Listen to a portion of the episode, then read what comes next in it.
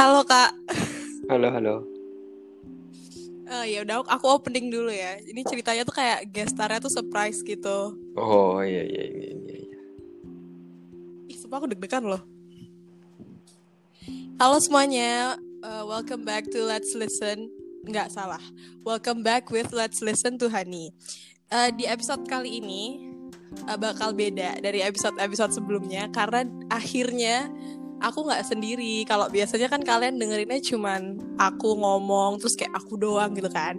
Di episode kali ini spesial karena kita ada bintang tamu. Yeay. Coba bintang Jadi tamunya. bintang tamu ya. Iya. Coba bintang tamunya perkenalkan diri dulu siapa? Tamu jauh loh ini. Namanya, terus mau ngapain? Oh iya iya. Eh jadinya eh, perkenalkan nama saya Arga. Eh, di sini jadi tamu di sebuah acara ini yang diundang. Nggak tahu sih mau ngapain. Ya nggak apa-apa. Agak keras ya kak suaranya, biar gak ke Oh. tenggelam sama background music nanti. Oh iya iya iya. Jadi pokoknya rencananya gini kak, kita mau ngomongin nggak cuma satu topik gitu loh, bakal banyak subtopiknya karena kan ya ya gitu. Ya, pokoknya bakal banyak lah hal yang kita omongin hari ini. Dari Iya topik iya yang- apa-apa. Iya dari topik ini pertama dulu nih karena kenapa oh kenapa sih aku milihnya ke Arga gitu ya biar kakak juga tahu Oh ya karena eh, aku mau ngomongin kayak hal-hal yang karena podcastku kan ini random ya topiknya random tapi Mm-mm, mostly mm. aku ngebahas kayak social issues gitu-gitu kan kalau kayak dengerin loh kak podcastku aku udah bikin 4 episode loh oh iya iya. kalau aku Baru kemana-mana- tahu ini tapi. iya aku udah promote di story nggak lihat storyku ya Ah enggak. Ih, kalau yang kemarin tuh aku bikin hustle culture, terus kemarin lagi woman supporting woman, dah kayak gitu-gitu. Nah, kenapa awalnya tuh aku nggak mau kakak, aku awalnya nggak mau mengundang kakak, maksudnya aku ada mau orang lain gitu kan. Terus tapi si orang lain ini katanya nggak mau jadi tamu pertama, terus aku bingung dong. Terus tamu pertama aku biar gak bosenin Siapa juga siapa aku siapa doang. siapa? Mm, Hah? Ya nggak ada temenku, ada temenku. Aku mau ngundang Oh, dia, tapi iya, dia nggak iya, mau iya. kalau jadi pertama. Ya udah, aku mikir siapa dong, siapa gitu. Terus aku iseng apa ke Arga aja kali ya. Awal awalnya aku takut sebang aku awalnya bercanda doang kan kayak apa ke Arga kali ya soalnya ini kakak jangan jangan jadi ria ya maksudnya menurutku kakak tuh educated lah untuk seorang laki-laki kakak itu Hmm, hmm. educated dan aware Wah. akan issues-issues yang jarang loh laki-laki tuh kayak gitu tuh bangga Oh, nggak eh, aku emangnya Uji? emangnya kenal laki-laki siapa aja? ya maksudnya based on my friends Mhm. environment based on my friends environment tuh uh, ya mereka tuh kurang lah maksudnya kurang educated akan hal-hal awareness kayak ya social issues gitu loh. Nah kakak tuh enggak. Kakak tuh kayak berbeda Oh, iya, gitu iya. loh. Oke oke oke. you educated yourself. Ya Bisa, beda bisa, juga bisa. gak sih? Nah makanya jadi kita ke ke Arga oke langsung ya ke topik pertama. Eh, aku tuh penasaran gimana sih kalau judulnya nih the real struggle sebagai laki-laki itu gimana sih? Kalau nih kalau menurut society kan selalu maksudnya kita tuh selalu terfokus dengan kalau jadi cewek tuh susah gini gini gini beauty standard gini gini gini. Terus kalau cowok tuh gampang tidak terkekang gini gini gini. Itu kan uh, mindset kita akan mindset kita cewek yang tertanam gara-gara society akan laki-laki. Tapi sebenarnya kalau dari sisi cowok sendiri itu gimana sih gitu loh. Pasti nggak segampang itu kan? Kalau menurutku itu eh gimana ya? Rata-rata eh aku bisa bilang lah. Memang eh, kalau growing kak up kerasan sebagai- lagi growing up sebagai laki itu emang mungkin ya most people pasti dan menganggap lebih gampang jelas dari sisi biologis sisi eh, sosial nah tapi menurutku yang banyak laki-laki terutama eh kan ya atau aku sendiri ya eh, yang sadar tapi betapa banyaknya dan betapa beratnya eh, hal-hal yang kita hadapi alhasil karena kita sudah menganggap diri kita eh, kehidupan tuh pasti lebih gampang. Oh, akan cuma menghidupi keluarga doang. Oh, akan cuma Hmm. kerja doang. Nah, kalau di misalnya di tempat-tempat tradisional di Indonesia mungkin ya gampang lah ya kalau misalnya udah nyari eh, jodoh kah, tinggal ta'aruf ke orang tua. Tapi kan ya semakin berjalannya waktu, kita lebih tahu satu sama lain, lebih banyak pertimbangan. Nah, eh, kalau kalau aku sih ya, eh, aku grow up itu atau tumbuh itu di lingkungan banyak informasi.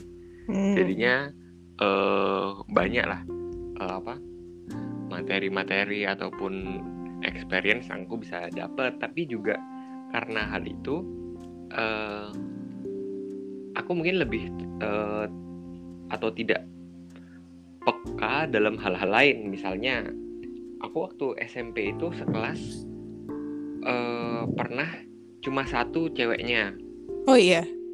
dari 12 laki satu perempuan.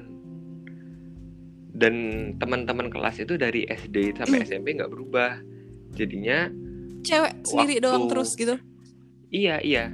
Jadinya eh, waktu SMA pun aku masih lebih terbiasa dengan eh, teman-teman deket teman-teman cowok daripada teman-teman cewek tapi juga Hmm.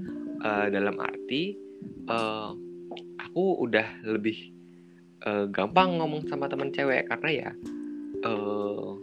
nggak pernah terpisah gitu loh malah di SMA ku sekarang Iya. kalau menurutku eh, teman-teman laki aja masih ada yang malu-malu sama yang cewek gitu Iya. Iya, jadi ya menurutku sebenarnya di publik eh, laki-laki itu merasa oh, lebih mu- mudah, lebih gampang lah hidup. Tapi eh, di sisi lain mereka tidak mau kehidupan mereka kegampangan itu tampak begitu. Ya lihat aja siapa di eh, sekolah misalnya mau terang-terangan ngomong sama cewek. Gila lah. agak-agak agak off topic dikit sih ya. Iya.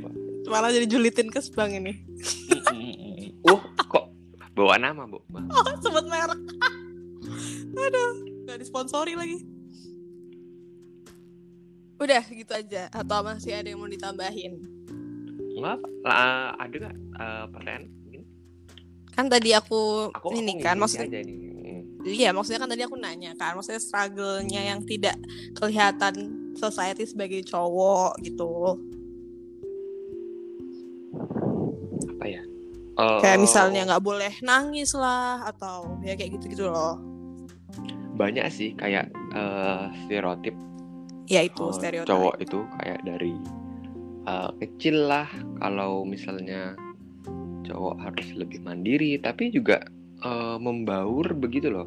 Kalau zaman sekarang itu ya kita bisa lihat banyak cowok yang mungkin karena orang tuanya juga lebih sayang atau apalagi anak tunggal eh, lebih terlena nggak terlalu memaksa-maksakan tapi mungkin keluarga-keluarga yang eh, tradisional gitu banyak tuntutan tapi ya sama aja kalau gitu sama yang perempuan Hmm. tapi mungkin dengan soalnya perempuan ada eh, suatu masalah periodis lah ya bisa dibilang jadinya mungkin nggak selalu nampak yang dialami laki misalnya Mm-mm. Hmm, Oke oke. Ya jadi sama-sama susah lah ya. iya sebenarnya sama susah tapi ya Sama-sama susah. mm-mm. Ya, jadi saling mengerti aja lah cewek sama cowok sama-sama nggak Tapi ya, gampang. Memang ha- harus mengerti kalau kita tidak bisa menga- me- apa ya meng- melihat suatu apa ya masalah itu misalnya dari segi fisik karena kok dari segi fisik jelas eh, perempuan ra- rata-ratanya lebih eh, kalah lah sama laki ya dari segi biologis memang Mm-mm. laki lebih fisiknya lebih kuat. Namun ya nggak semua masalah bisa dilaksanakan oleh laki begitu Yes. tapi ya tapi menurutku zaman sekarang udah nggak terlalu terlalu banyak masalah mungkin di bagian-bagian dunia tertentu begitu mungkin lebih banyak penekanan kepada perempuan Iya masih masih banyak juga. Oke, sekarang kita ke next topic. Cepet juga ya. Aku kira bakal lebih lama loh kakak ngomongnya. Oh langsung lah Iya ini mau langsung. Mm-mm. Topik selanjutnya kita aku mau nanya ke kakak tentang pendapat kakak. Aduh, mau diulang lagi. Pendapat kakak tentang sexual harassment. Kalau selama ini kan lebih banyak tuh yang disorot tuh di pendapat perempuan karena majority victimnya kan cewek kan tapi juga bukan berarti cowok nggak ada yang pernah jadi korban nah kalau yang opini-opini kontroversial tuh kan biasa kalau sexual harassment tuh ya salah korbannya. Misalnya bajunya gini gini gini. Terus kalau diumpamain ya namanya kucing kalau dikasih ikan asin emang menolak gitu gitu gitu ya opini kayak gitu. Lah nah maksudnya ya kalau ya of course aku lah sebagai perempuan ya baju, menurut aku baju nggak ada hubungannya sama yang namanya pelecehan seksual. Emang kalau dasar bener ya emang udah emang udah ada niatan ya mau dia kerudungan kayak gamisan kayak apa bajunya terbuka ya pasti akan terjadi. Kalau menurut kakak sendiri gimana? Betul. Kalau gimana ya? Aku nggak suka banget sama analogi kayak tadi ya kucing ada kucing gitu kan? Ya masa gitu. kita orang disamain sama kucing sama iya hewan? iya. Bedanya hewan sama manusia apa? Kita bisa Makanya, milih. kita kita, bisa punya pilihan. gitu. kau mau milih menyakiti orang lain ya ya udah itu pilihanmu. Nggak usah kamu nyalahin orang-orang lain. Toh kita sebagai manusia aja loh udah bagus banget dalam dunia ini. Bayangin kamu lahir sebagai kucing di jalanan cari makan susah.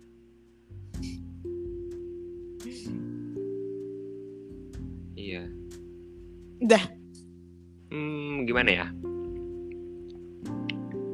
kalau kayak balik ke dapat apa ya tadi sexual harassment tentang pers mungkin ya sorotannya perempuan ya karena emang Mm-mm. ya tadi kembali eh, sexual harassment itu sebuah masalah yang eh, sangat dikondisikan eh, mungkin tidak eh, adil lah memang sebenarnya ke perempuan. Karena kembali lagi oh, let's be frank eh, tidak menguntungkan eh, apa fisik biologis perempuan daripada laki-laki. Tapi ya bukan bukan berarti masalahnya adalah fisik perempuan. Yang Iya, buat fisik perempuan siapa? Tuhanmu. Kamu mau nyalahin Tuhanmu begitu. Makanya jadi ya memang eh, pelecehan seksual tuh sudah masalah masyarakat lah ya. Tidak Iya. bisa perorangan kita eh, menyalahkannya. Tapi ya kita bisa mempertanggungjawabkannya perorangan. Jadi intinya ya stop victim blaming lah ya. Iya toh emang kamu punya hak siapa yang victim atau enggak kan walaupun dia victim ya bisa jadi dia dapat masalah juga dari Iya juga keluarga dari hukum Iya. Makanya sahkan tuh RU- RUU PKS. wah besok lah episode besok lah aku bikin nih Hmm. RUU PKS panjang itu episodenya. Nih, kak, kakak pernah denger ya? ini nggak? Udah ya kita pindah topik selanjutnya. Cepet juga ini. Oh kira Kak Arga bakal pidato loh kak. Ih, nggak perlu kalau podcast podcast ini bosen ya nggak pidato itu apa-apa. Pak ngomong aja panjang. Lah, Kak pernah denger ini nggak? Kill All Men. Hmm, Familiar nggak? Pernah denger kan? hmm. apa It- Kata-kata Kill All Men. KAM 2020 gitu. mungkin Pernah ini gara-gara ini ya eh, gerakan Sebenarnya feminis kalau radikal Pernah Kalau juga tapi sebentar, berarti kakak Kak Arga belum pernah denger ya? Nggak pernah gitu Apa? familiar dengan Kill All Men. Tadi baru tahu di baru Oh baru tahu bilang- sekarang. Ah, Ini aku jelasin ya sebenarnya Oke, maksud oke, oke. sebenarnya kalau orang baru denger nih apalagi yang nggak pernah yang nggak tahu tiba-tiba kayak kill all men pasti kayak Hah, apaan? gitu kan ya kayak eh kok radikal banget gitu kan. Kayak tadi ya kan kan pasti reaksinya langsung itu gerak mungkin gerakan feminis radikal. Tapi kalau nih aku jelasin ya makna sesungguhnya dari kill all men dari Oke, perspektif oke, oke. perempuan adalah itu tuh bukan bu- kalau dibilang gerakan ya bukan. Itu bukan sebuah gerakan untuk kita benar-benar yang namanya membunuh membasmi semua laki-laki ada di dunia itu enggak. Tapi itu lebih ke apa ya lebih ke kita nih gen gender kedua bisa dibilang. Kan perempuan nih gender kedua ya. Itu adalah sebuah bentuk ke keenekan kita nih sebagai perempuan yang dari zaman dulu sampai sekarang tuh selalu dianggap inferior dan ya ya emang maksudnya semua gender kan punya masalahnya masing-masing kan. Tapi maksud tuh kayak perempuan tuh kayak ya ter terzolimi terus gitu loh. Jadi makanya adalah terbitlah kata-kata kill all men. Itu tuh cuman kayak gimana ya kayak bukan yang kayak kita tuh ya maksudnya kita juga tahu kalau nggak setiap nggak semua laki-laki brengsek tetap aja ada laki-laki yang baik gitu kan. Cuman jadi ya jadi maksudnya tuh bukan sebuah gerakan di mana oh kita membenci laki-laki yang kayak bunuh semua laki-laki itu enggak jadi itu bukan gerakan dan itu bukan sebuah bentuk radikalisme sebenarnya. Tapi banyak orang di luar paham gitu loh. Kalau jujur ya, jujur ya. ya kalau kakak main salah- TikTok tuh pasti tahu pasti ban- familiar? Kalau jujur itu namanya sangat tidak cocok dan gampang sekali iya emang. eh, bingung orang dan ya kalau dari apa ya dari segi public relation tuh bener-bener bukan suatu slogan yang baik atau yang optimal begitu. Karena siapa yang akan mengasosiasikan kata kill dengan kata peace kecuali Oke, kita kita- ngomongin genosida Iya, itu kan kita nggak akan membahas, mem, eh, nggak membahas laki-laki gitu maksudnya tidak. Ya, mm-mm. ya. Menurutku itu sangat eh, sayang sekali bahwa kalian menggunakan slogan itu sebagai merek begitu. Nggak bukan slogan sih kak, itu lebih ke gimana ya? Penggunaannya tuh lebih ke kayak ke jokes dan ya udah kita tuh kita tuh capek, tapi itu bukan yang kayak terus habis itu kita memaksakan sesuatu dari slogan kill all men. Maksudnya kill all men itu pun juga apa i- eh, internal kita sama perempuan gitu loh. Jadi ya makanya tuh kayak ya ya udah kayak ya biasa aja gitu loh. Gimana ya ngomongnya? Tapi paham kan ya? Ya, kalau sebagai bentuk ekspresi diri sendiri sebenarnya dalam eh, benar atau salah ya benar-benar aja. Tapi kan kalau dalam situasi saat ini, dalam tujuan kalian, dalam begitu begitu begitu, kalian harus berpikir apakah kita mau senang diri sendiri dan merugikan perempuan lain, apakah kita mau senang dengan kita kita saja tapi dengan orang lain salah paham karena ya walau pertama ya sadar aja orang tuh nggak semua pinter. Pasti ada yang Iya. bo- bodoh dan ada yang masih labil. Ya yang masih labil itu bagaimana caranya dia eh, paham kalian pasti dalam first impression. Nah rata-rata first impression kita pasti dapat dengan nama. Apalagi ya tadi dibilang TikTok udah populer begitu kan Apa? Nggak kedengeran. Kak kerasan dikit lah. ya dengan populernya TikTok sebagai gitu ya dan ya tau lah TikTok tidak ter ter- terstruktur teratur nggak akan bisa kalian mengontrol penggunaan kill all men Iya memang.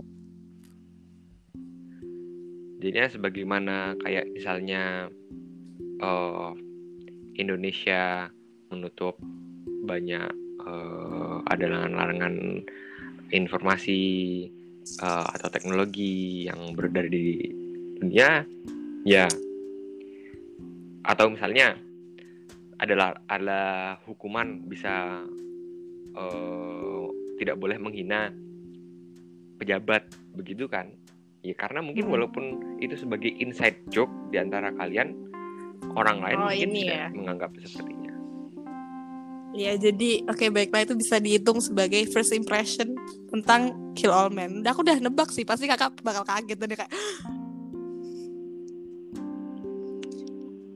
Eh tapi cowok juga ada ya. Ini maksudnya aku nggak nyalahin. Cuman gara-gara ini sih si Kill All Men ini. Terus kak- kakak tahu nggak yang Will apa Will Smith katanya kan diselingkuhin sama istrinya. Terus waktu itu ada massive movement buat kayak nge tanda kutip ngebrengsekin cewek, you broke her heart dan Hmm. segala macam kayak gitu. Jadi tuh kayak hari di mana cowok-cowok tuh merasa kayak wah itu istrinya Will Smith kurang ajar tuh Will Smith diselingkuhin. Ya udah kita cowok rame-rame kayak ikut juga misalnya nyakitin hati banyak cewek gitu. Lah itu lebih kurang ajar. Setidaknya kita dengan Kill All Men kita ngapain? Nggak ngapa-ngapain kan ngomong doang Kill All Men. Ya ini jiwa cewek aku menggebu-gebu kalau cuma Kill All Men ya udah Kill All Men lah ini Hmm. Tapi ya, tahulah dunia itu tidak adil dan kita Iya, tidak memang. bisa melawan api dengan api. Iya juga sih. Aduh, ya bijak banget. Iya betul, betul, betul. Ya kan makanya kita tidak melawan. Maksudku nih kalau kita nih perempuan ingin melawan, berapa banyak yang udah berapa apa aja yang bakal kita lakuin coba. Amin kayak kita kan kita jadi gender kedua tuh nggak baru-baru aja dari zaman bahla dari dari zaman kapan gitu kan. Maksudnya kalau kita ingin emang bener-bener melawan berapa banyak action yang bakal terjadi gitu loh. Untuk aku- sebuah untuk sebuah hasil perfect ya, untuk sebuah hasil perfect untuk membuat suatu hasil yang benar-benar tidak ada masalah, tidak ada eh, liabilitas, semuanya benar-benar semuanya harus berharap dan menggunakan cara terbaik. Nah, kecuali pasti ada eh, cara-cara atau jalan-jalan yang misalnya kalian bisa pakai atau kalau kita udah ngomongin the seluruh masalah eh, kesenjangan gender ya kalau saat ini. Kalau dalam hal ini ya perubahan itu tidak akan cepat begitu loh. Ini udah eh, dimulai sejak beratus-ratus beribu-ribu tahun yang lalu. Dan menurutku akan terus ada kesenjangan ini selama beratus-ratus tahun ke depan. Iya. Nah, eh, pilihan kalian adalah bagaimana cara membuat situasi ini lebih baik Diem aja. Kepada Kita kan diem orang aja. lain dan kepada diri kalian sendiri begitu. Nah, terus pertanyaannya, apakah kalian ingin melakukan ini pada diri sendiri atau untuk orang lain? Begitu.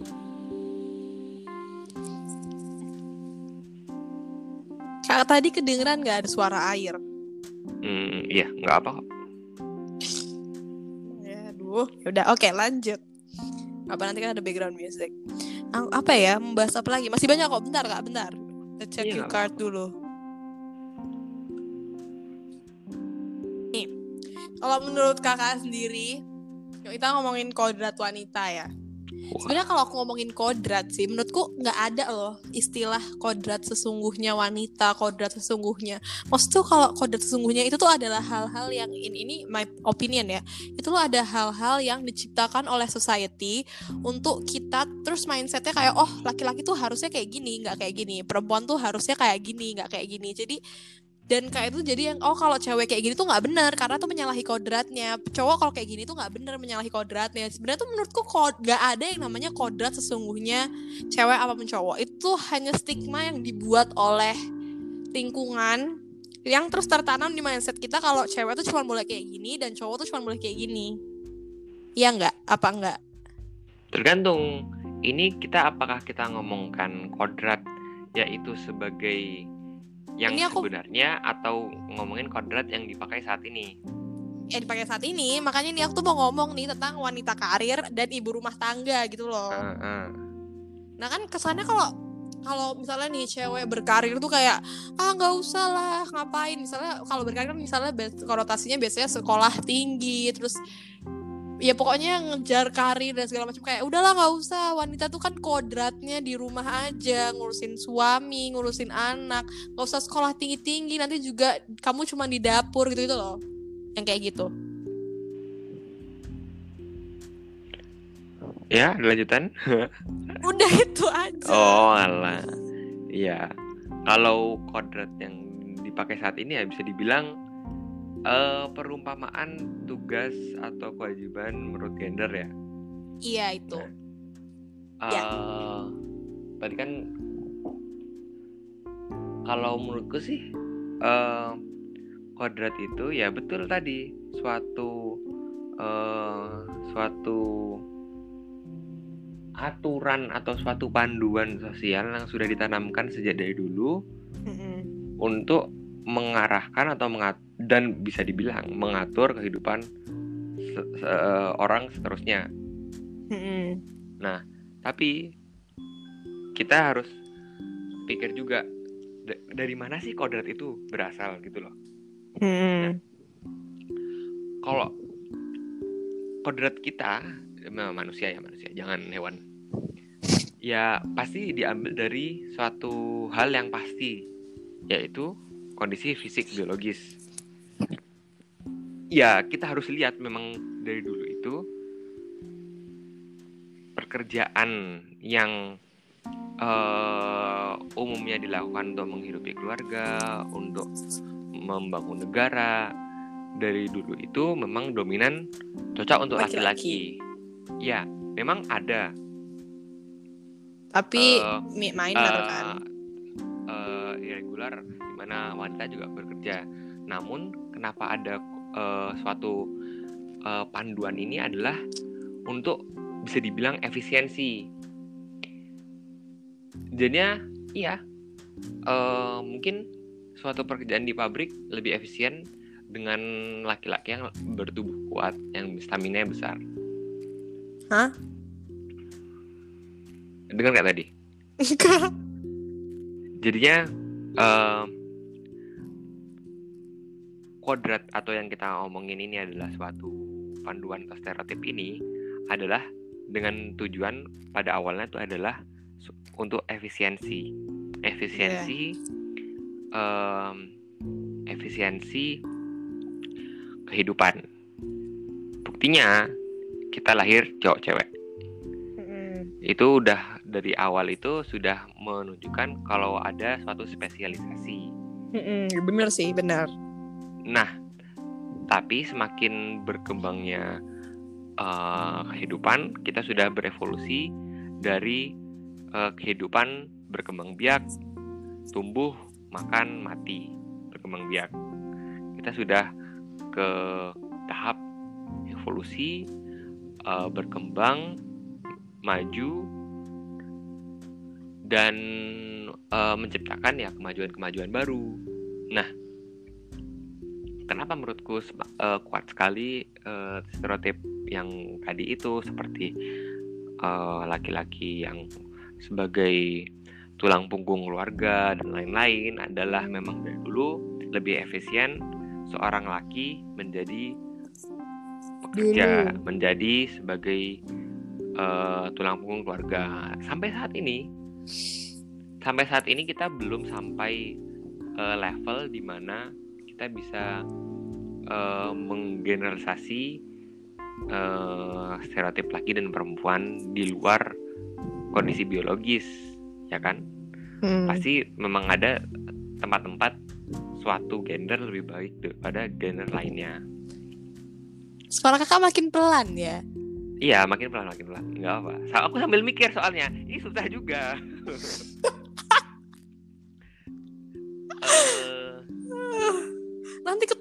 background music masalahnya kak kerasin dikit aja jangan ya, takut kan dikerasin aja suaraku gitu loh. Background musiknya kecilin. Ntar orang yang dengerin tinggal naikin volume kan. Iya iya udahlah iyalah iya iya ya udah nurut aja Oke, lah oke. aku Balik ya. Tapi Aku yang undang juga. itu dalam sebagai eh, pandangan objektif ya sebagai pandangan Iya. objektif dingin bisa dibilang tapi manusia kan bukan eh mesin ya kita bukan mesin kita punya hati bisa merasakan Mm-mm. nah Dan perempuan tuh bukan kayak bikin anak doang kerjaannya gitu loh. ah betul nah kayak we're sekarang nothing more than just baby maker gitu loh.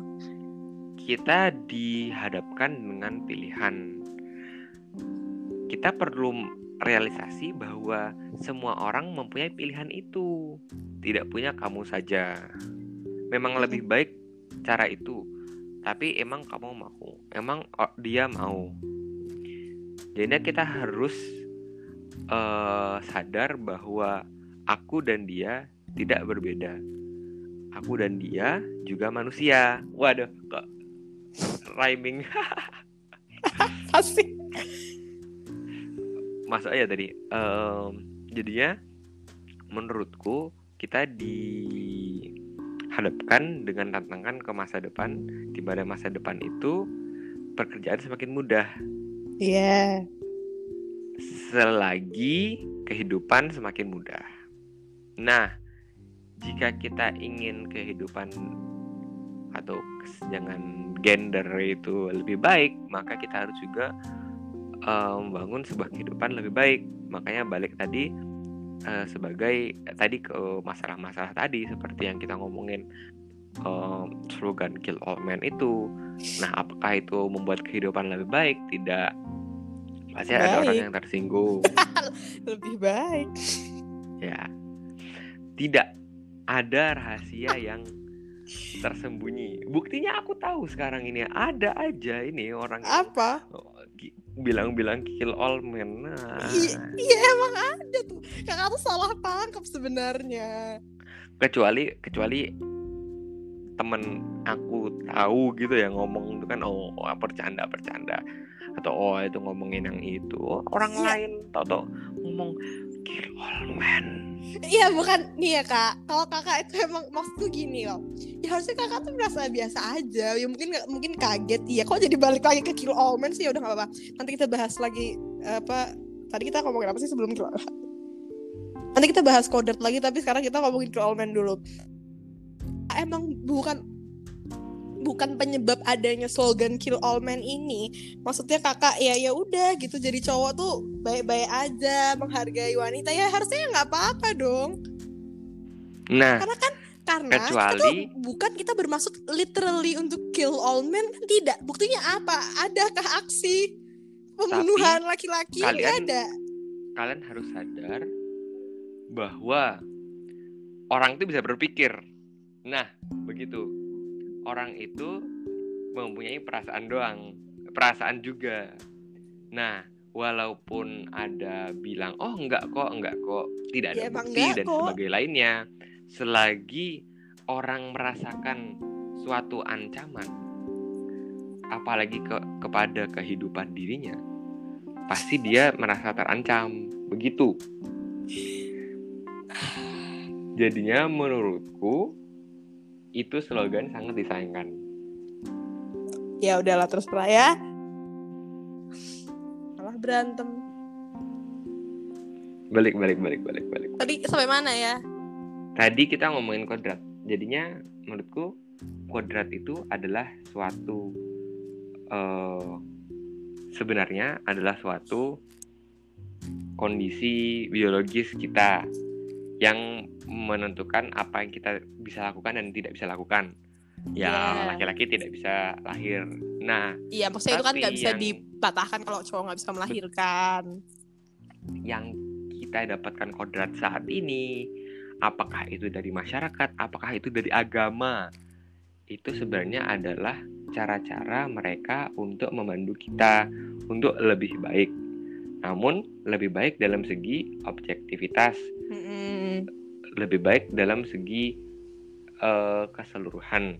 Ya, kalau kita bandingin eh, kodrat itu adalah kodrat yang kita masuk saat ini atau sistem pengaturan saat ini dalam eh, kondisi sempurna adalah suatu negara komunis di mana tiap orang mempunyai tiap uh, kewajibannya masing-masing dan kita sudah melihat bahwa tidak ada namanya suatu negara komunis walaupun ya betul Cina suatu negara komunis tapi itu pun yeah. udah ada demokratis demokrasinya mm. itu membuktikan bahwa manusia itu tidak bisa diatur sebagai kegunaannya doang untuk kegunaannya doang mm. kecuali ya kita tidak punya perasaan kita tidak bisa berhenti untuk mengasihi satu sama lain nah gunakanlah ya uh, kasihan itu atau perasaan itu tidak tidak cuman untuk uh,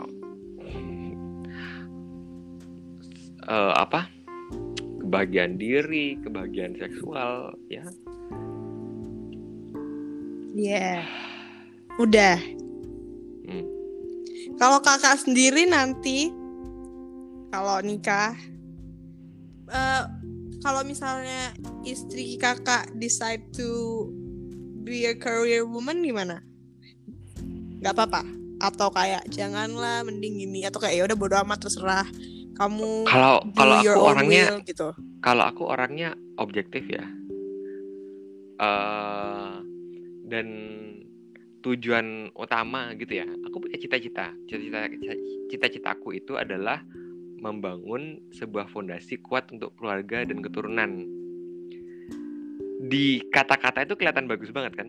Kelihatan bagus banget kan? Iya. Yeah. Tapi caranya gimana? Cara untuk membangun suatu fondasi kuat? Ya nggak tahu kan tiap orang berbeda. Uang.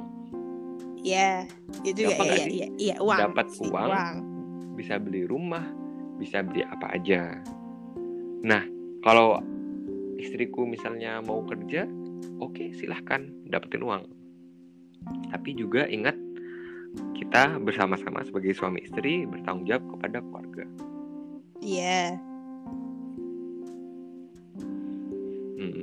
Dan ya kalau aku bilang jangan ya itu kayak bilang ibuku jangan kerja karena ya bapak ibuku udah kerja jadinya mm. ya mungkin aku lebih open lah dan melihat bahwa keuntungan di mana dua-duanya bekerja atau salah satunya bekerja begitu jadi ya terserah dia mau kerja kerja nggak mau ya udah semua orang mempunyai hak Yalah. selama tidak mengganggu hak orang, orang lain. lain suatu ibu boleh saja bekerja lagi tidak membahayakan bayinya mm -mm. seorang bos bisa memperkerjakan karyawannya selagi tidak membahayakan karyawan itu. Jadinya ya ya contoh ya argumen-argumen kayak oh itu apa? Uh, wanita uh, harusnya nggak bekerja karena ya entah toh malah uh, hamil ngurus anak. Anaknya dikemanain nanti kalau kerja bla bla bla. Betul. Nah tapi kan itu sebenarnya suatu kerja itu adalah suatu kontrak di, di antara bos dan uh,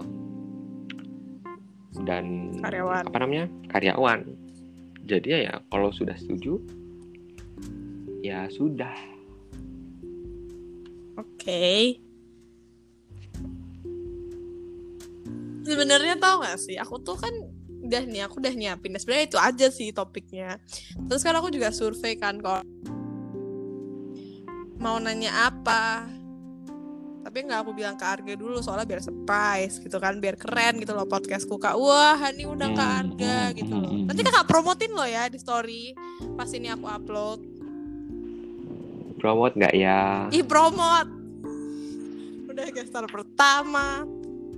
Oh iya iya iya. Hmm. tapi tuh kayak pada topiknya tuh pada nggak seru. Kenapa? Aku tuh kan niatnya awalnya uh, keponya tuh kayak opini cowok akan hal-hal yang biasanya di kita sebagai tapi mereka alah nggak jadi lah udah nggak jadi nggak jadi nggak jadi ngomong apa sih aku? Jadi kakak ada mau ngomong lagi nggak?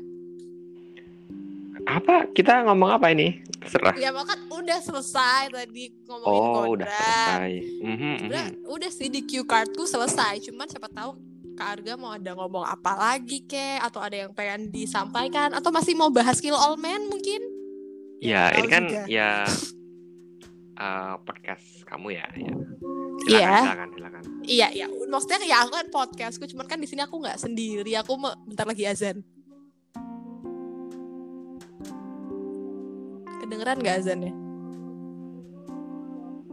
Ya, nggak apa, nggak apa. Lagi keras suaranya.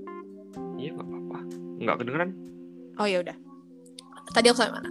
Oh ya karena ini podcast ya ini emang ini podcastku, cuman kan di sini ada orang lain nih gitu kan. Jadi kan nggak aku doang. Siapa tahu kakak ada mau ngomong tambahan lah, apalah. Kan aku hanya nge-host gitu loh. Hmm, hmm, hmm. Ya, aku nggak tahu ini podcast yang apa begitu loh. Aku datang ke sini cuma oh akan ada pertanyaan. Aku aku jawab bentar. Oke, oke, oke. Berarti Nah, udah begitu selesai. aja. Kill All Men juga udah nggak mau dibahas. Perlu dibahas lagi. Ya siapa tahu ke harga masih ada yang kayak ih nggak bener tuh gini-gini gitu. Apa masih masih ada unek-unek yang ingin disampaikan mungkin. Kayaknya enggak, karena ya Ya, cukup. yang penting Nanti berantem. enggak sih.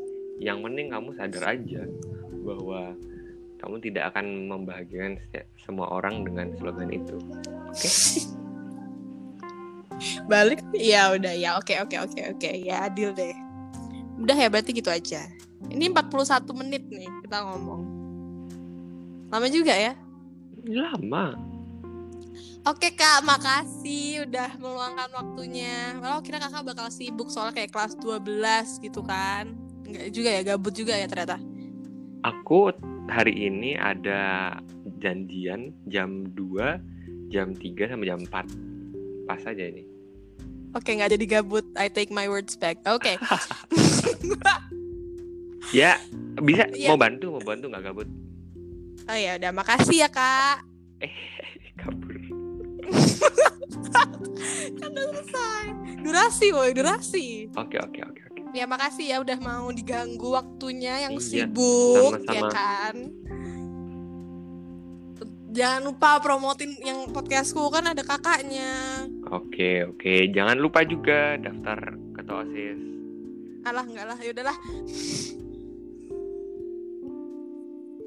Udah dah kak, makasih. Sama-sama. Kok jelek ya closingnya? Enggak ngerti ya, terserah. Ya udahlah ya, pokoknya makasih, thank you. Ya, jangan lupa You're welcome. See you dipromosiin. in the next podcast. Bye. Yay, bye.